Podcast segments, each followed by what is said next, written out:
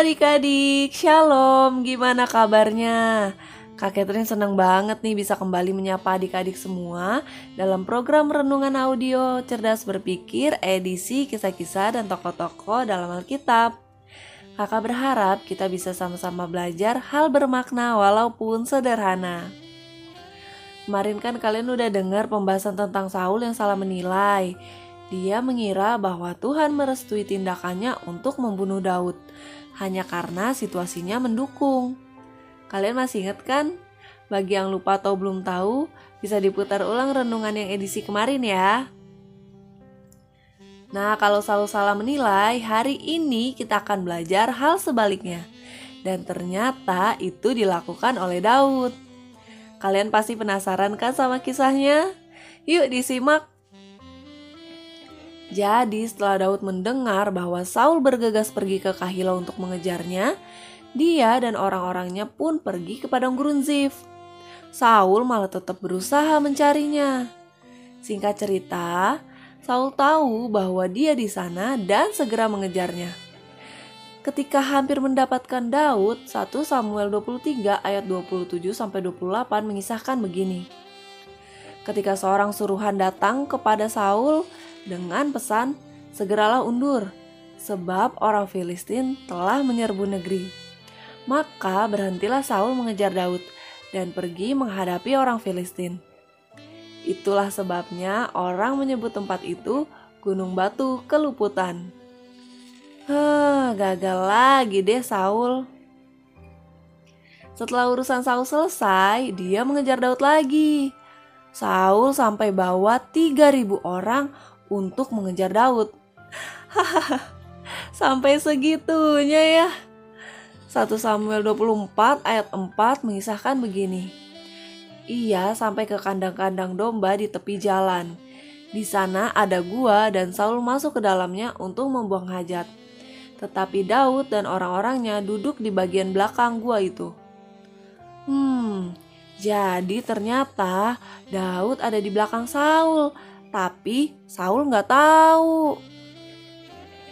1 Samuel 24 ayat 5 sampai 8 melanjutkan gini. Lalu berkatalah orang-orangnya kepada Daud, telah tiba hari yang dikatakan Tuhan kepadamu. Sesungguhnya aku akan menyerahkan musuhmu ke dalam tanganmu. Maka perbuatlah kepadanya apa yang kau pandang baik. Maka Daud bangun dan memotong punca jubah Saul dengan diam-diam Kemudian berdebar-debarlah hati Daud, karena ia telah memotong punca Saul. Lalu berkatalah ia kepada orang-orangnya, Dijauhkan Tuhanlah kiranya daripadaku untuk melakukan hal yang demikian kepada tuanku, kepada orang yang diurapi Tuhan, yakni menjamah dia sebab dialah orang yang diurapi Tuhan. Dan Daud mencegah orang-orangnya dengan perkataan itu. Ia tidak mengizinkan mereka bangkit menyerang Saul. Sementara itu, Saul telah bangun meninggalkan gua itu hendak melanjutkan perjalanannya. Padahal, Daud kayak punya kesempatan untuk menyerang Saul. Ketika Saul terluka, kan nggak Daud nggak harus dikejar-kejar lagi. Tapi Daud nggak melakukan hal itu. Hanya karena dia dapat kesempatan untuk berbuat jahat, bukan berarti dia boleh berbuat jahat. Beda banget sama Saul yang udah dibahas kemarin. Adik-adik, kisah Daud kali ini adalah bukti bahwa ternyata ada kok orang yang walaupun mendapat kesempatan untuk berbuat jahat, mencelakai orang, melanggar hukum, bahkan melanggar firman Tuhan, tapi dia tidak melakukannya. Dan di zaman yang sekarang, orang-orang yang kayak gini masih ada kan? Kalau kita adalah salah satunya, yeay, selamat! Kita telah bersikap dengan tepat. Adik-adik, kita harus bijak dalam menilai. Gini ya, kesempatan untuk melakukan hal buruk bukanlah supaya kita melakukan hal buruk. Justru itu adalah kesempatan untuk kita melakukan hal yang sebaliknya.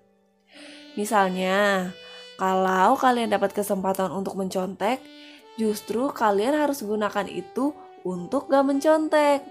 Jadi, kesempatan untuk mencontek bisa dibilang adalah ujian kita untuk enggak mencontek.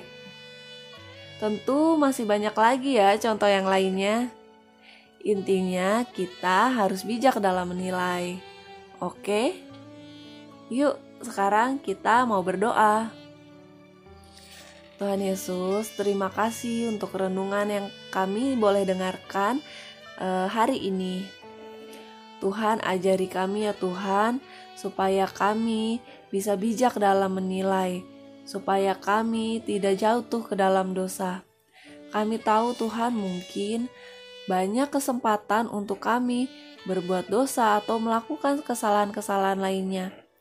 Tapi selalu ingatkan kami Tuhan agar kami bijak dalam mengambil setiap kesempatan itu ya Tuhan. Kami menolak setiap kesempatan buruk dan kami melakukan hal yang baik.